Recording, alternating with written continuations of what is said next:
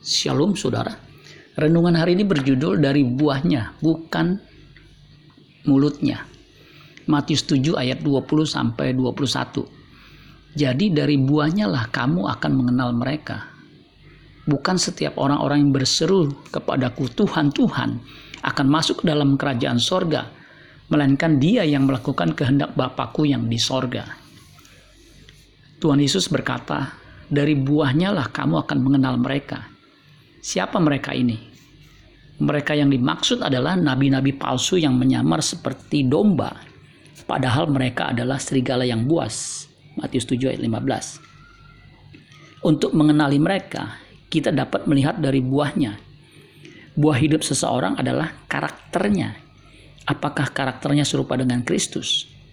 Roma 8 ayat 29. Jika hanya waktu mereka berseru kepada Tuhan melalui bibir saja, sulit kita mengenali mereka. Demikian juga kita harus mengintrospeksi diri kita, apakah kita sudah melakukan kehendak Bapa. Sebab hanyalah mereka yang melakukan kehendak Bapa yang akan masuk ke dalam kerajaan sorga. Jika tidak melakukan kehendak Bapa di sorga, mereka akan diusir dari kerajaan sorga. Matius 7 ayat 23. Jadi siapakah yang akan masuk dalam kerajaan sorga? Pertanyaan ini dapat juga seperti ini. Siapakah yang akan diselamatkan? Jawabannya adalah mereka yang percaya kepada Tuhan Yesus dan yang melakukan kehendak Allah Bapa. Apa itu kehendak Allah Bapa supaya kita tidak binasa? 2 Petrus 3 ayat 9 jawabannya. Tuhan tidak lalai menepati janjinya, sekalipun ada orang yang menganggapnya sebagai kelalaian.